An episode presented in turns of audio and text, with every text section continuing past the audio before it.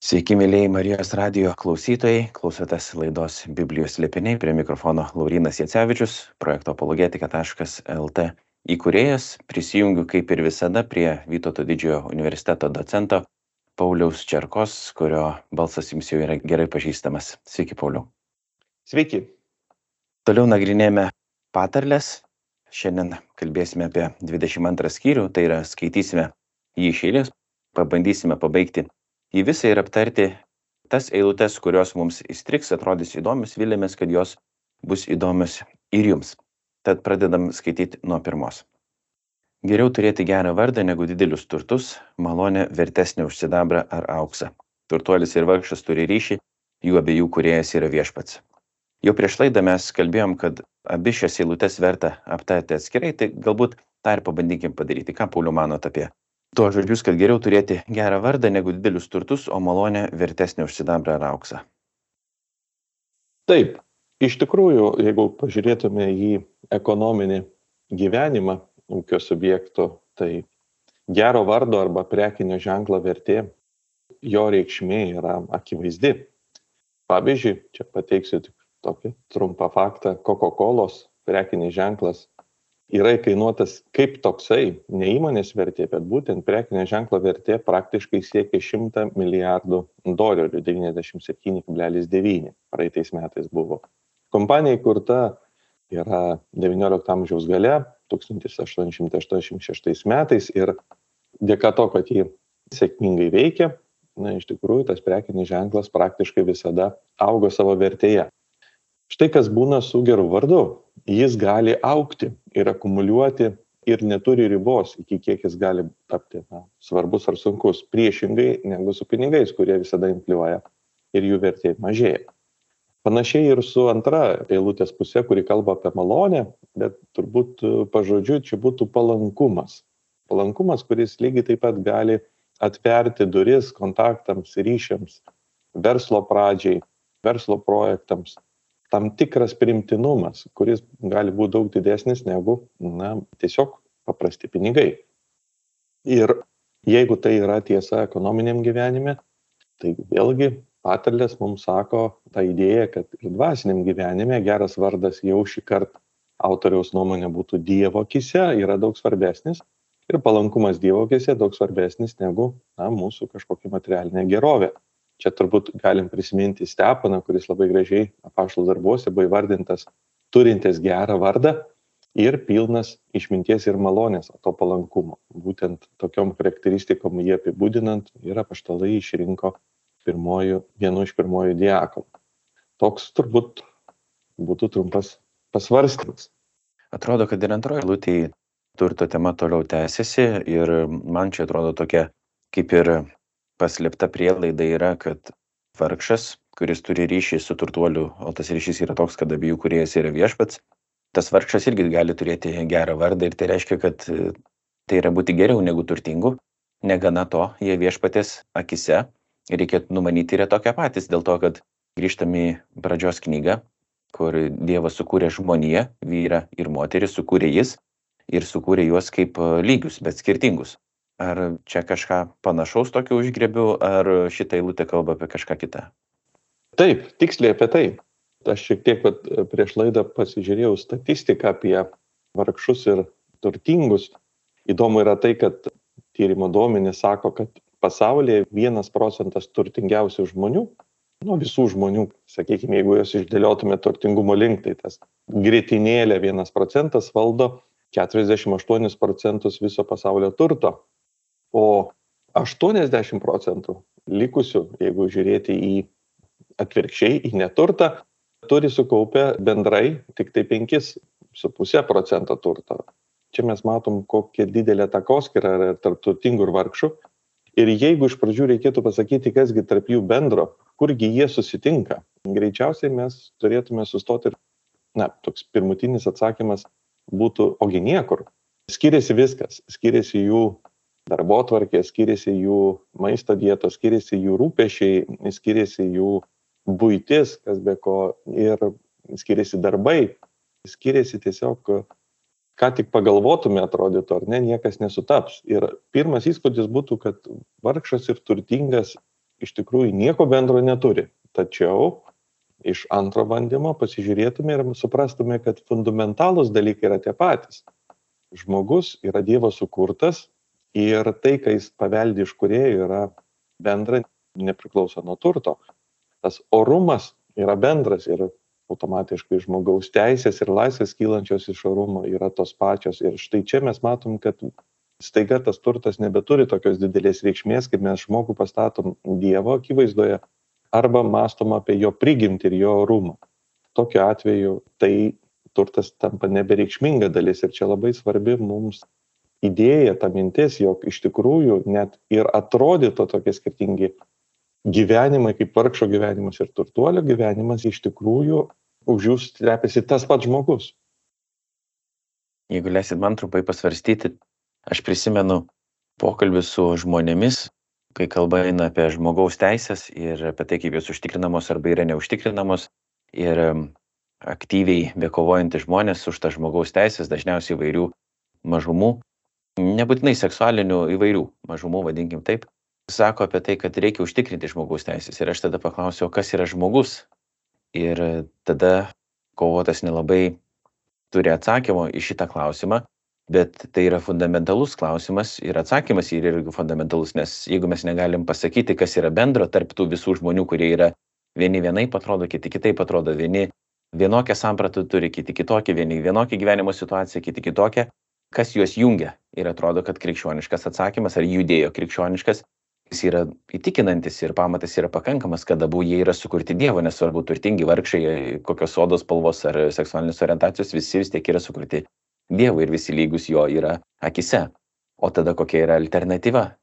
Nelabai jos egzistuoja. Jeigu ateistinė žiūrėti alternatyvą, tai žmogus yra šalutinis visatos produktas, sakim, protingesnė keulė kažkaip įsivyšiusi, tai kuo jis tada fundamentaliai skiriasi, ten nuo keulės, nuo akmens ar nuo dar kažko kito. Ir atsakymai yra labai sunku atrasti iš vis, ant ko tą žmogaus teisę statyti. Bet kaip jūs ir minėjot, kad ta situacija, tas klausimas, kad atrodo nieko nėra bendro, pirmiausia, tarp žmonių kita vertus labai daug bendro, bet kas juos jungia. Ir tą atsakymą reikia atrasti. Ir čia patarlės apie tai atrodytų ir kalba. Gerai, skaitom Taip. toliau. Nuo trečios eilutės. Gudrus žmogus nuvokia pavojų ir vengia jo, o neišmanėliai eina priekin ir nukenčia. Nusižeminimo ir pagarbios viešpatės baimės atlygis turtai pagarba ir gyvenimas labai trumpai jeigu galim sustot prie ketvirtos eilutės kadangi jinai skamba labai intriguojančiai kad viešpaties baimės atlygis yra turtai pagarba ir gyvenimas klausimas kilo toks ar iš tikrųjų taip ar kiekvienas dievobaimingas žmogus buvo apdovanotas turtais pagarba ir gyvenimu pažiūrėkim į apaštalą paulių pažiūrėkim į jėzų viešpatį. Aišku kuris yra įsikūnijęs dievas ar ne bet kur atrodo nei turtų nei pagarbos nei gyvenimo ilgo neturėjo šitoj žemėj. Tai kaip reikėtų suprasti ir interpretuoti tokį pasvarstymą?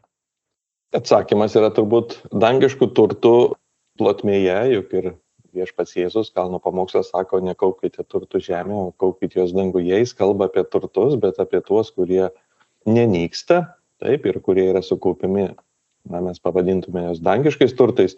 Tačiau čia paradoksas yra tame, kad nusižeminimas tarytum yra labai kvaila strategija, ne, nusižeminimas turėtų netnešti kažko gero, bet tave turėtų visi sutrypti.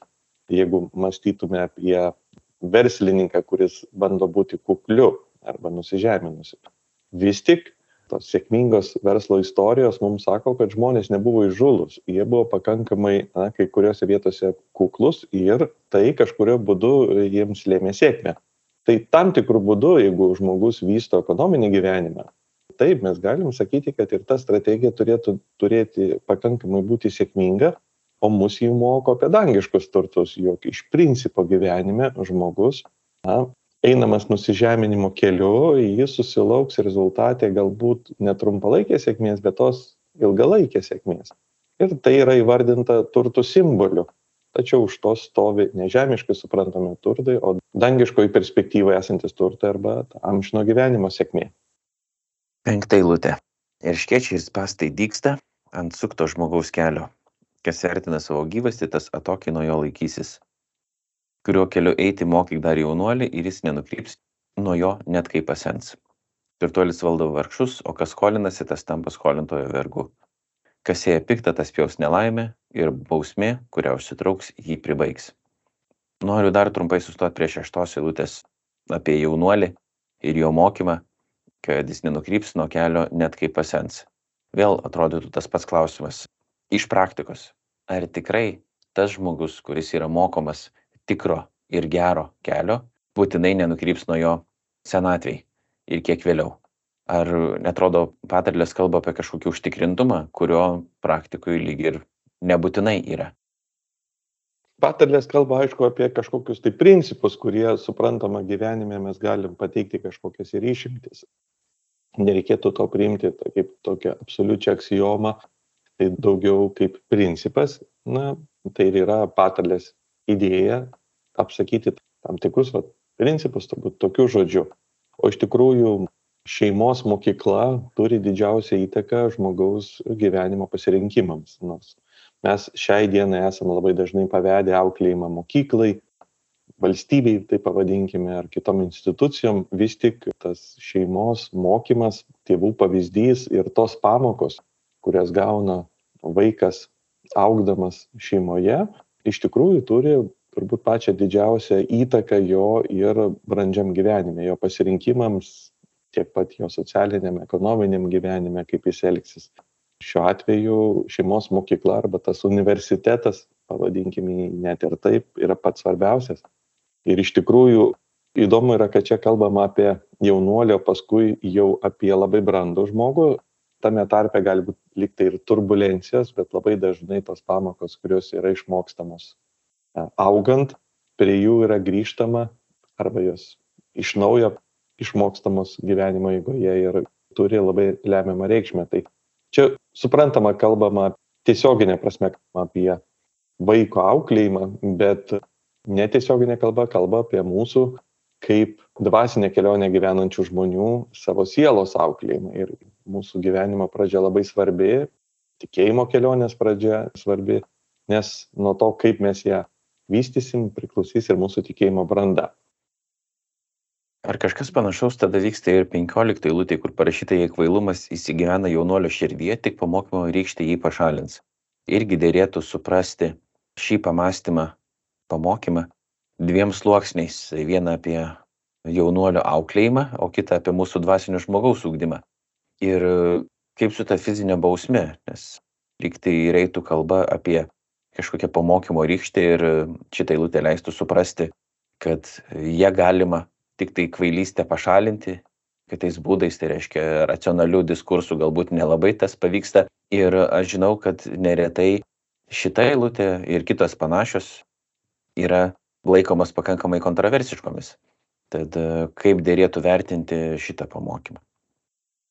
Taip, iš tikrųjų mes išvertėm kaip pamokymo rykštė, bet noriu pabrėžti, kad čia yra žodis pamokymo, ne baudimo rykštė, ne tiranijos vėzdas koks nors, bet būtent pamokymo rykštė. Ir pažodžiui, hebrajiškas žodis ševet, jis e, tiesiog reikštia tam tikrą lasdelę, lasdą ir priklausomai nuo konteksto mes suprantam apie ką eina kalba, tai gali reikšti ir karališką skeptrą ir kitokio pobūdžio na, instrumentą lasdos formoje. Specialistai biblistai irgi kalba kad čia turbūt yra bent jau vaizdinys spragilo reiškia tuo būdu jog spragilas atskiria grūdus nuo pelų. Taip toks procesas jis yra aišku atrodytų grūdams ne toks malonus bet būtinas kad atsiskirtų tai kas tikra nuo to kas neturi vertės va bet už to stovi tikrai nebūtinai kaip mes įsivaizduojam rykštės plakimas tai eina kalba apie mokymo lazdelę ir netgi sakoma kad ir hebrajai turėjo tam tikrą na kaip mes šiandien jau nebeturim bet yra mokytojo lazda su kuria jis moko mokinius ar ne prie lentos tokią turėdavom yra trenerio tam tikros reiškia instrumentai švilpukas ar lazdelė kurią jis gali naudoti sportininkams ruošti savo komandos nariams. Tai iš principo greičiausiai eina kalba kažkaip labiau apie tokį daiktą kuris skirtas lavinti ir kurio asociacijos vaikui yra iš karto su disciplina su tam tikra tvarka su pamokomis. Ne su baudimu kaip mums atrodytų bet būtent su mokymu ir disciplina.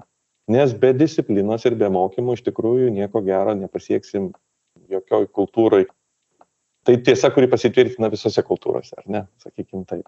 Tai šiuo atveju turbūt reiktų pirmiausia kalbėti ne apie baudimą, o apie mokymą ir discipliną, nes disciplina yra skirta geriausiam.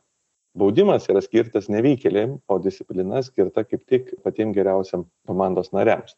Tai šiuo atveju geriausiams irgi reikia mokytis ir jeigu čia eitų kalba apie rykštę kaip baudimo instrumentą, tai jinai visiškai nebūtų tinkamas instrumentas tiems, kurie yra šaunus vaikai arba geri komandos nariai. O disciplina kaip tik yra orientuota į juos.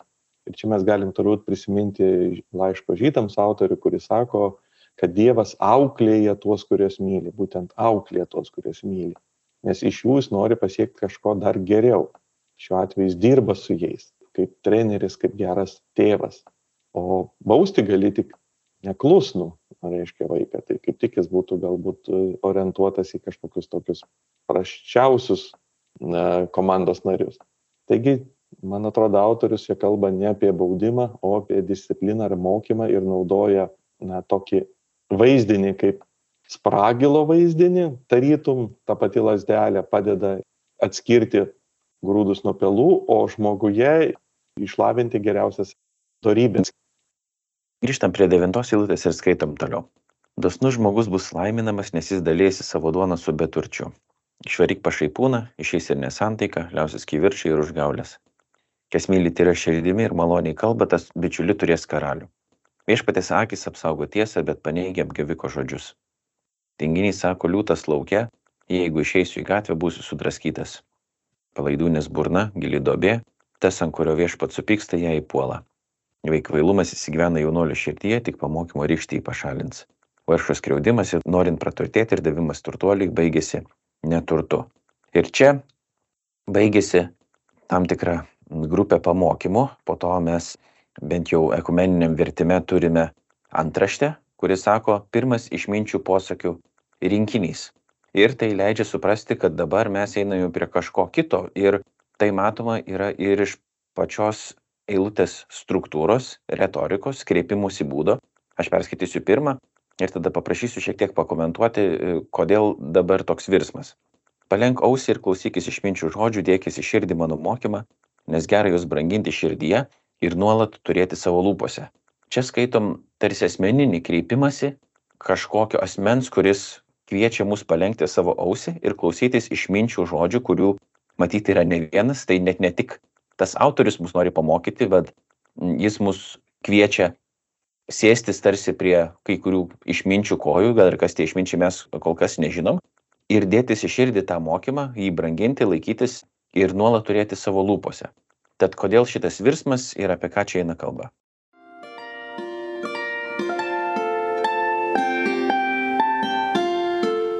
Jūs girdite Marijos radiją.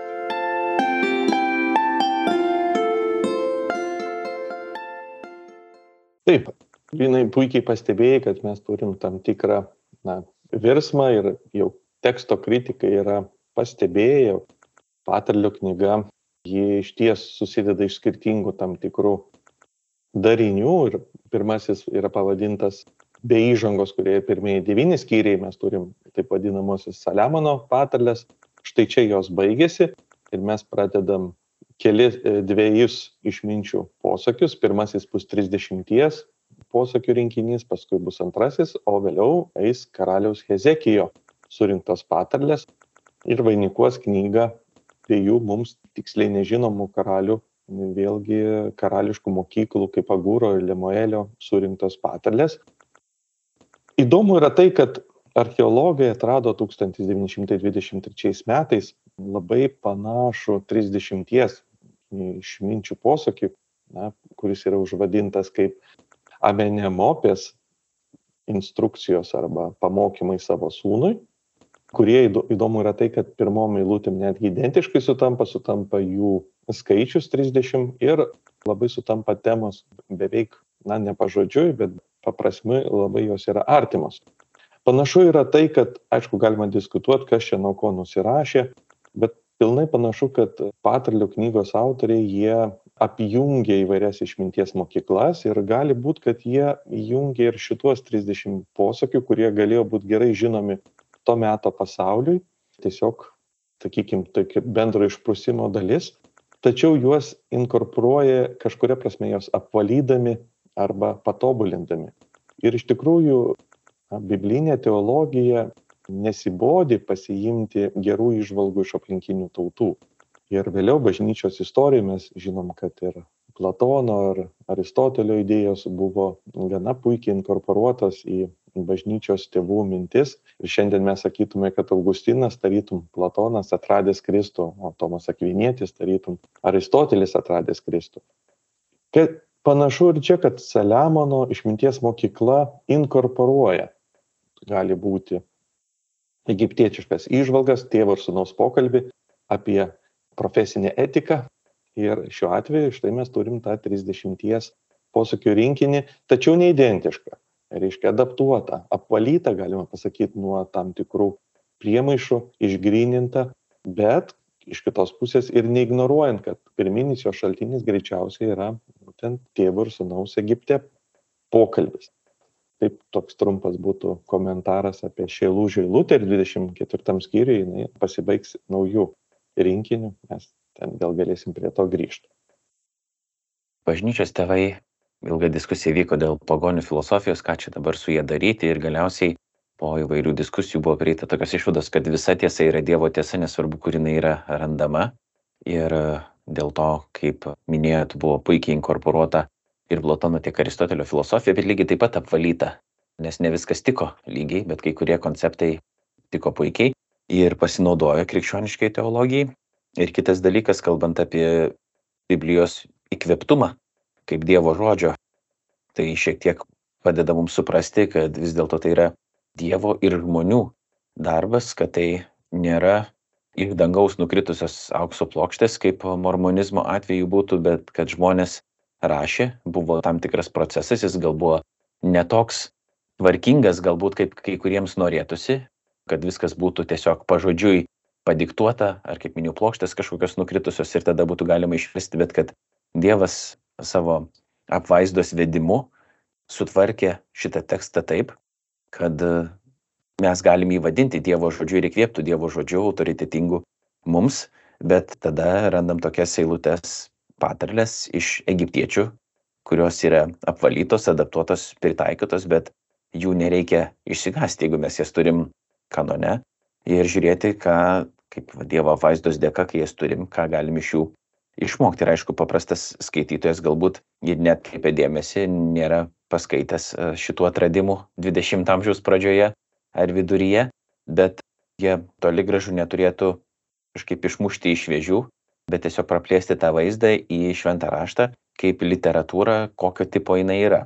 Bet e, po šito prologo tada bandykim paskaityti bent jau kelias eilutes ir pabaigti šitą skyrių, 22, kuriame randame eilutes iš pirmo išminčių posakių rinkinio ir pažiūrėti, ką galime iš jų pasimokyti. Nuo 19 skaitau toliau. Kad pasitikėtum viešpačiu, šiandien tau juos paaiškinsiu. Argi neparašiau tau 30 įsukų apie išmintingą patarimą ir išmanimą, kad pamokyčiau tave, kas tikra ir teisinga, ir tu galėtumai duoti tikrą atsakymą tave siuntusiam. Labai trumpai jeigu galima po to prasideda jau tie pamokymai. Kas tas yra siuntėjas? Mane iškart suintrigavo ir apie kokį čia atsakymą eina kalba dėl to kad man tai šiek tiek primena pirmą petro laišką trečią skyrių penkioliktą eilutę kad mes turime visą laiką būti pasiruošę duoti atsakymą klausiančią apie mumyse gyvenančią viltį ir dabar vėlgi mums sako kad yra duodami pamokymai kas tikra ir teisinga kad galėtumėm duoti tikrą atsakymą arba įtikinantį atsakymą mus siuntusiam? Nesu tikras iš tikrųjų dėl to siuntiko, ką turim omeny, tarytum kalbasi tėvas ir sunus ir duodami labai svarbus nurodymai profesiniam turbūt gyvenime ir galima galvoti, kad tas siuntimas ir yra žmogaus profesinis gyvenimas. Kokios etikos laikytis ir kaip turėti teisingą tiesų ir sėkmingą tą profesinį gyvenimą. Tai galima iš tos pusės gal žiūrėti tą siuntimą kaip į žmogaus gyvenimo siuntimą. Bet turbūt Laurinai puikiai atlėpė ir Petroje mintį, kad duoti atsakymą klausiančiam, turėti aiškumą, kur link mes einame ir kodėl mes einame. Tai manau, tai susišaukia. Skaitom tos pamokymus. Neskriausk varšo, nesisvarkšas ir nestumdyk elgetos miesto vartuose, nes viešpats gina jų bylą ir atima gyvasti tiems, kas juos skriaudžia. Nesibičiuliauk su piktu žmogumi ir nebendrauk su kersakošiu, kad kartais neišmoktum jų elgesio ir neįpultum į spastus. Turim du pamokymus - įsakymus - neskriausti vargšo, nesisvaršas ir nestumdyti elgetos miesto vartuose ir tada paaiškinimą, kodėl to nedėrėtų daryti, nes viešpats gina jų bylą ir tada tarsi pasiekmė, kad viešpats atima gyvasti tiems, kas juos skriaudžia. Tada vėl kitas pamokymas apie nesibučialiavimą su piktu žmogumi ir nebendravimą su karštakošiu, vėl dvi grupės žmonių. Ir tada, kodėl taip nereikėtų daryti, dabar jau eina kalba nebe apie viešpatį, o kad gali išmokti elgesio ir tada pasiekmė, kad papulsi į spastus. Tad čia atrodytų, kad vienas pamokymų blokas atliepia kitą, turim dvi žmonių grupės ir tada priežastis, kodėl taip nereikėtų daryti ir tada pasiekmes. Vienose viešpats baudžia, o kitose tarsi mes patys pakliūnam į spastus. Ar aš gerai svarstau, ar kas nors dar čia yra, ko nepastebiu.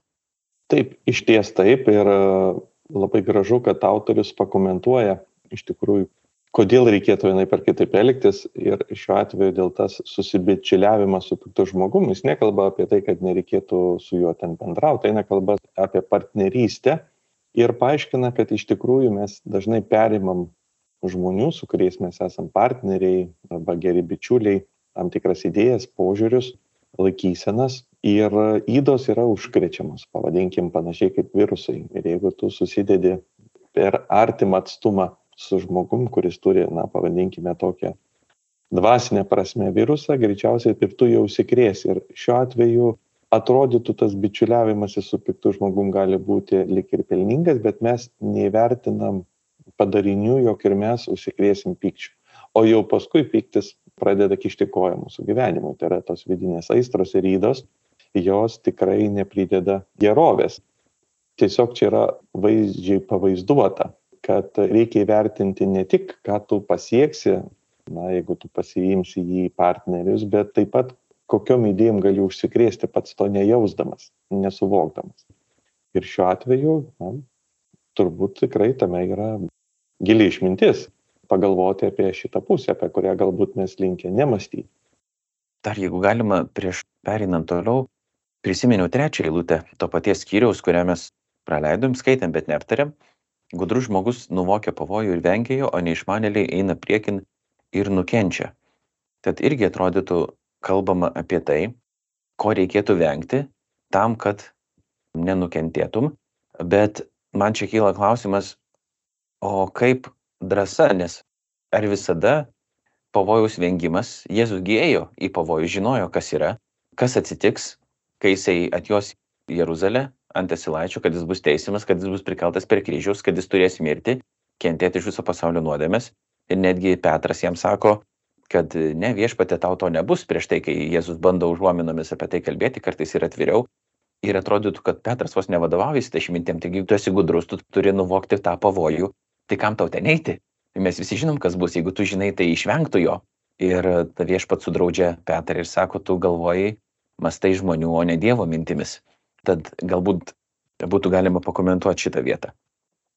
Iš ties, geras labai klausimas, Laurinai. Jeigu mes žiūrėtume iš tikrųjų, kaip elgesi Jėzus savo na, paskutinėmis dienomis žemiško gyvenimo, tai tam tikrų metų jis iš tikrųjų laikėsi apdairumo ir saugojosi nuo suėmimo, keisdavo savo gyvenimo vietas, kuris nakvodavo laikė tai paslaptyje ir dažnai pasirodydavo tik minioje, kuomet buvo jį sunku suimti ir panašiai. Tai yra, jis tikrai nesielgė, pavadinkime taip, e, aplaidžiai, žinodamas, kad jau yra nuspręsta jį suimti, bet jis elgėsi taip, kad tas suėmimas praktiškai tapo neįmanomas. Štai kodėl tapo būtina ieškoti išdaviko ir tik jo pagalba jį suimti. Kita vertus, atėjus valandai, situacija pasikeitė tai valandai, kuriai jis buvo skirtas, jis drąsiai atidavė save kaip auką ir šiuo atveju drąsa tai nėra eiti į pavojų, bet kokiam aplinkybėm, bet drąsa reiškia atlikti tai, ką privalau nepaisant pavojus. Tai šiuo atveju situacija kardinaliai keičiasi, įvykus tai valandai, atėjus skirtam laikui, jis nustoja slapstytis ir išduotas iš tikrųjų atsiduoda ir atiduoda save. Tai čia pasirodo jo drąsa. Ir iš tikrųjų geras labai klausimas, Lorinai, ką reiškia drąsa ir ką reiškia toks puolimas jaunatviškas arba naivus, karštakoštiškas į ugnį. Drąsa yra tuomet, kai mes padarom tai, ką privalome padaryti. O tiesiog ėjimas į pavojų yra, na, yra kvailumas. Tai galbūt čia aš prisiminčiau turbūt daug diskusijų sukėlusi visuomenės diskusijas apie skiepus. Reikia ar nereikia, nes skiepai taip pat turi tam tikras rizikas ir šiuo atveju, jeigu mes matome didesnį pavojų lygoje, tai normalu, kad slėptis nuo to pavojaus ir imtis tam tikrų priemonių yra geras sprendimas. Tai toks būtų, sakykime, turbūt žemiškas pritaikymas, o apie dangišką pritaikymą yra, yra, idėja yra tokia, kad tas pavojus yra paskutinė teismo diena. Ir tikrai gudrus ir išmintingas žmogus suvokė, kad žmonės, mes žmonės turėsim duoti ataskaitą apie savo gyvenimą ir tada slėpdamasis nuo jo tukėti savo gyvenimą. Čia toks turi būti pritaikomumas toks įdomus.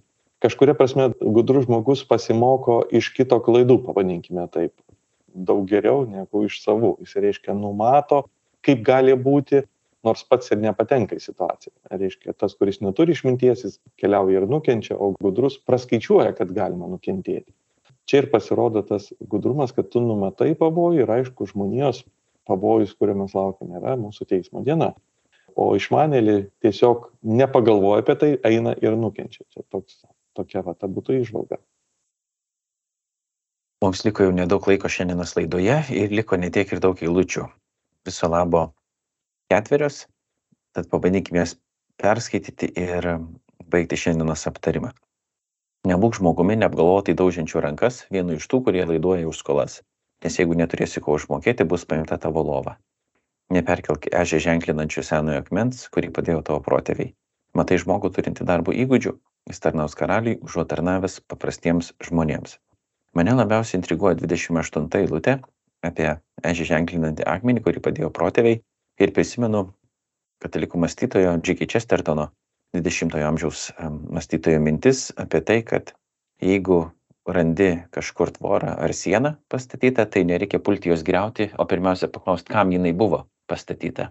Ar jisai tada skolinasi iš patarlių šitą savo mintį ir ar čia apie tą patį kalbama, ar apie kažką kitą.